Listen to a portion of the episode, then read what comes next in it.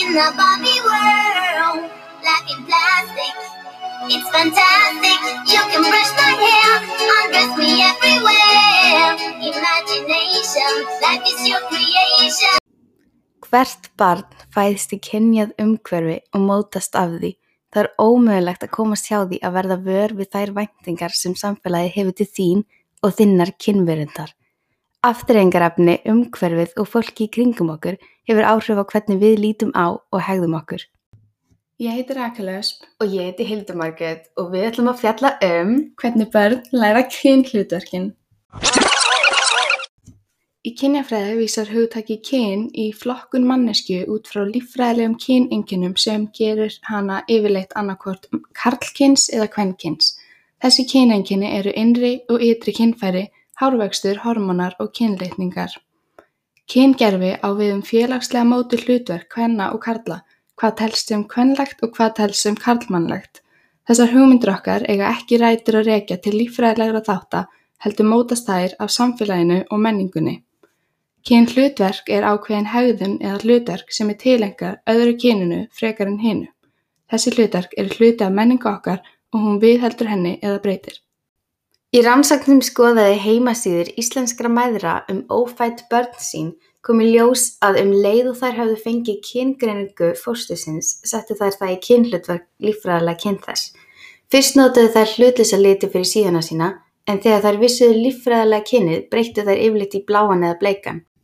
Nýlega hafa svokallaðar kynjaveislur orðnar vinsalar þar sem foreldrar ófætts barns tilkynna líffræðilega kyn þess í kringum vini og ættingja. Þá er til dæmis sprengt blöðru sem er full af annarkvort bleikum eða bláum skrautræmum. Foreldrarnir eru þó strax búinir að kynja fóstrið með væntingum um eiginleika og áhugasvið eftir því hvað það sé flokkað sem strákur eða stelpa. Á landspítalanum var það venja þar til ásins 2010 að klæða unga börnin sem fættist þar í annarkvort bleik eða blá föt og einnig merkja með bleikum eða bláum armböndum eftir kyninu sem þau voru talin tilheyra. Börn eru staðsett í kynjakerfi löngu fyrir fæðingu þeirra. Þrátt fyrir að fóreldrar reyna að ala börnin sín á kynja hlutleysan hátt, þá er ómögulegt að koma í veg fyrir að skilaboð samfélagsins hafi áhrif á þau. Börn læra frá mjög ungum aldri hvað það er að vera strákur og stelpa og hvað fylgir því. Upplifun þeirra á sjálfu sér byggist á ýmsum hugmyndum, viðhorfum og hegðun í umhverfi þeirra. Börn fá fyrstu hugmyndir sínar um kynhlutverk á heimilinu. Foreldrar kenna börnum sínum þeirra eigin hugmyndir um kynin, hvort sem það er viljandi eða óviljandi. Þau koma mismunandi fram við syni sína en dætur sína og hafa mismunandi væntinga til þeirra. Hvernig foreldrar koma fram við börnin sín hefur áhrif á sjálfsmynd þeirra og upplifun um hver þau eru. Einnig senda þau börnum sínum óljós skilaboð varandi kyn, kyngerfi og hvað sé ætlast af kyninum sem barnið síðan meðtekur. Talið er að þau ákveði fatnað, leikfeng og afþreyingarefni barna sinna eftir kyni og við það myndast stálmyndir sem börn halda í og yfirfæra á aðra í kringum sig. Börn tilenga sér hugmyndir og stálmyndir fórelda sína um kynin mjög snemma. Þessar hugmyndir eru síðan ennfremur staðfestar í gegnum skólan, vini og öllu sem er í umhverfi barnsins. Það umhverfi sem er innan leikskólans ítur undir staðalmyndir kynjana og kynhlutverk. Bæði eru væntingar kennara mismunandi eftir kyni barnsins en einnig verður meiri kynjaskipting milli barna og leikhópum. Aðgreining barna eftir kyni þeirra hefst alltaf í kringum þryggja ára aldur í leikskólum. Þá kjósa börn frekar að leika sér með börnum af sama kyni og þau sjálf og vilja minna vera með einhverjum af hinu kyninu. Fræðimenn telja að það stafi út af því að börnin leita sér frekar leikfélaga sem hefur svipaðan reynsluheim og þau sjálf. Þessi aðgreining og reynsla innan samkynjum vinahópum leiðir líklega til mismunandi hegðunar og samskipta. Rannsókn síndi að leikstíl barna verði mismunandi eftir kynjunum. Strákar leika sér gjarnan á grófari hátt en stelpur og hafa stigveldi innan hópsins.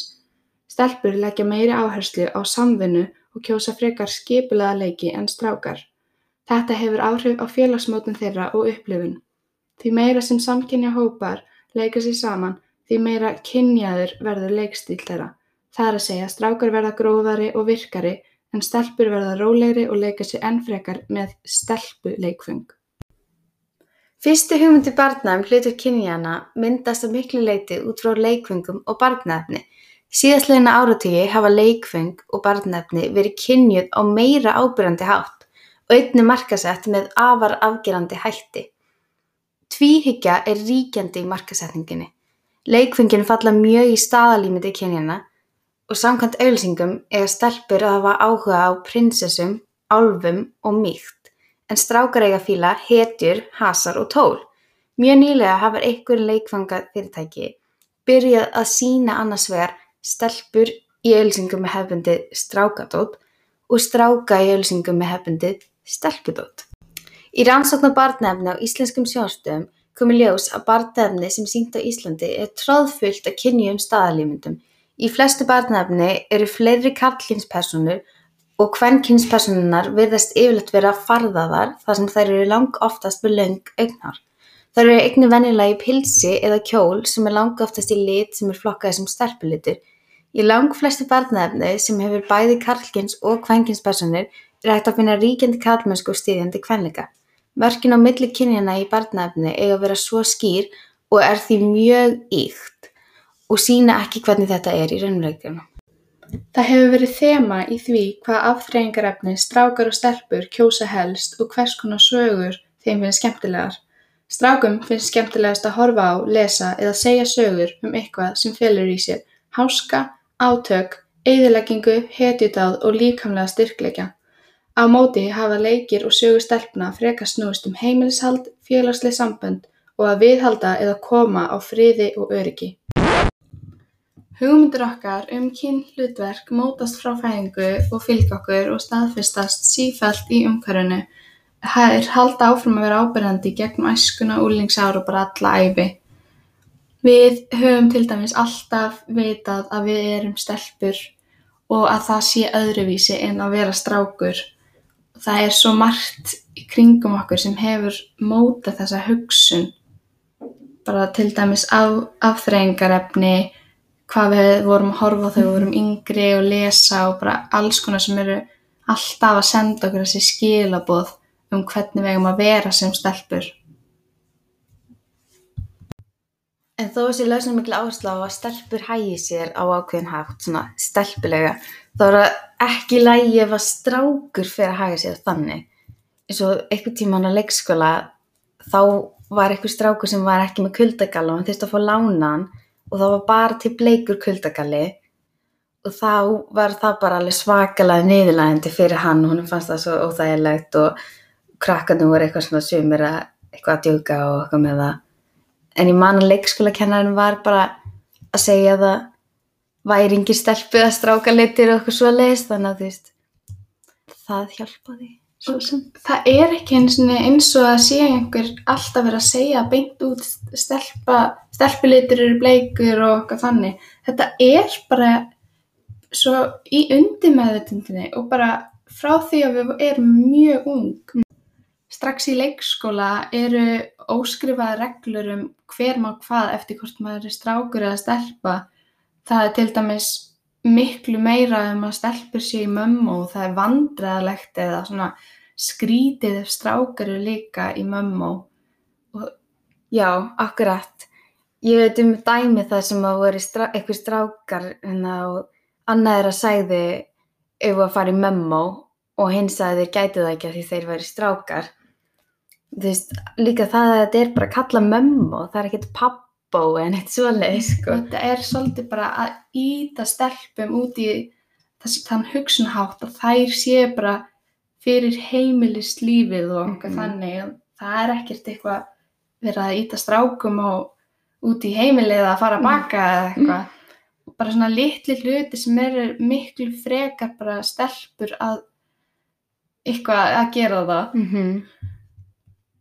Bara í leikjum hjá leikskóla börnum og til dæmis það að stelpur eru í Bratz eða Barbie en strákar eru með kuppa auðvitað hefur þetta svakalega mótandi áhrif Líka bara útlitið á Barbie-dúkkanum, alveg bara tiny, þú veist, svo mjói leggir og lítið mitti og hávaksin, já, hávaksin. hælum, kjólum Já, þær er líka ekki með fætinni þeirra eru bara gerði fyrir hæla. Já, það er ekki eins og hægt að vera í flatbúna skóm Mm -hmm.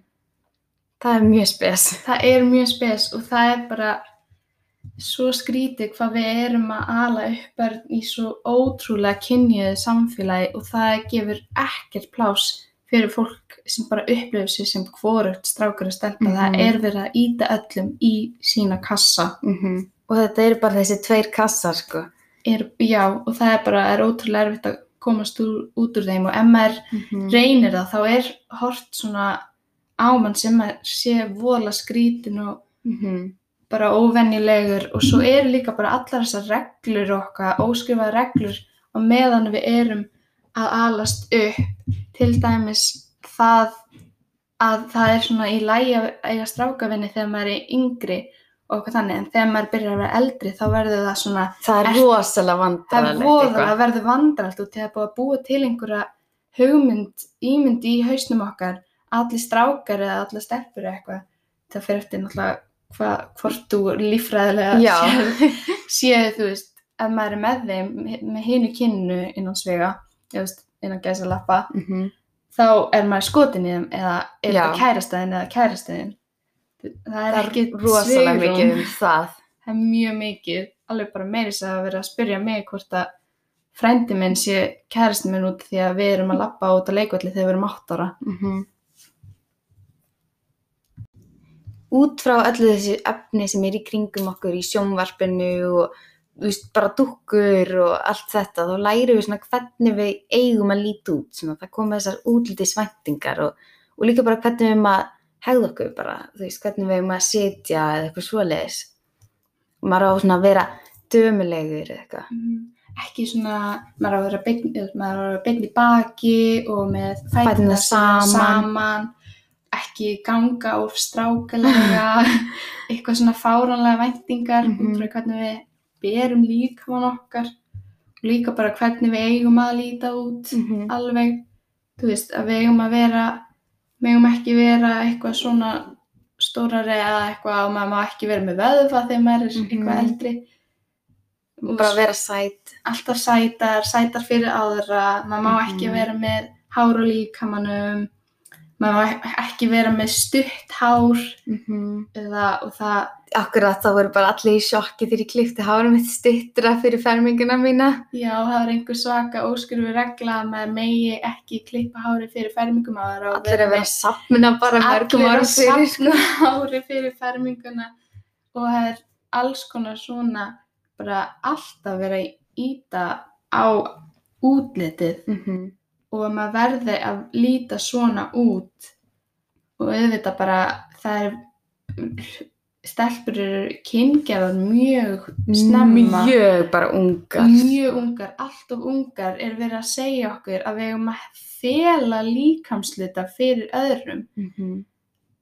af hverju er verið að kyngera stelpur svona ótrúlega bara. bara yfir höfuð á auðvitað ekki að vera gera þetta en þetta er bara litla stelpur Mm -hmm. og það er alltaf að þarf að fela fyrir karlmönnum eða Ef maður er á blæðingum. Já, fela, það er svaka tabú að vera að tala um blæð, blæðingur því að þær eru ekki Mm -hmm. dömulegar. Enginn vill vita það. En, já, það er alltaf verið að þú, þú mynd aldrei eignast kærasta eða þú lítur svona út. Mm -hmm. Þú, Og líka bara ef maður vill vera, þú veist, sæt, þá er það svona, þú veist, maður svona lítið á það að maður sé að vera sæt fyrir einhvern annan. það er allt, já, og það er bara ekki hægt að vinna hérna. Maður er, Mhm. verður að vera sætur, maður má ekki vera ofsætur og það er bara, þetta eru fáránlega væntingar og það er, þú veist, og það er bæði bara að vera að segja þetta við mann, fólk segir þetta við Mhm. mann, líka bara út frá öllu í umhverfinu, við horfum á, þú veist, þætti og myndir þegar við erum yngri og það er alltaf, maður þarf að vera sætur Mm -hmm. og maður þarf að bera sig á ákveðin há Mm -hmm. og það er bara ekki hægt að flýja undan þessu og þetta hefur Nei. svakalega mótandi áhrif á mann bara enn í dag þótt að maður veiti kannski betur þá er maður samt alltaf vör við þetta Mhm. Þessi flokkun hefur slæm áhrif á alla, stelpur, stráka og stálp. Við sem samfélag verðum að gera betur Takk fyrir okkur.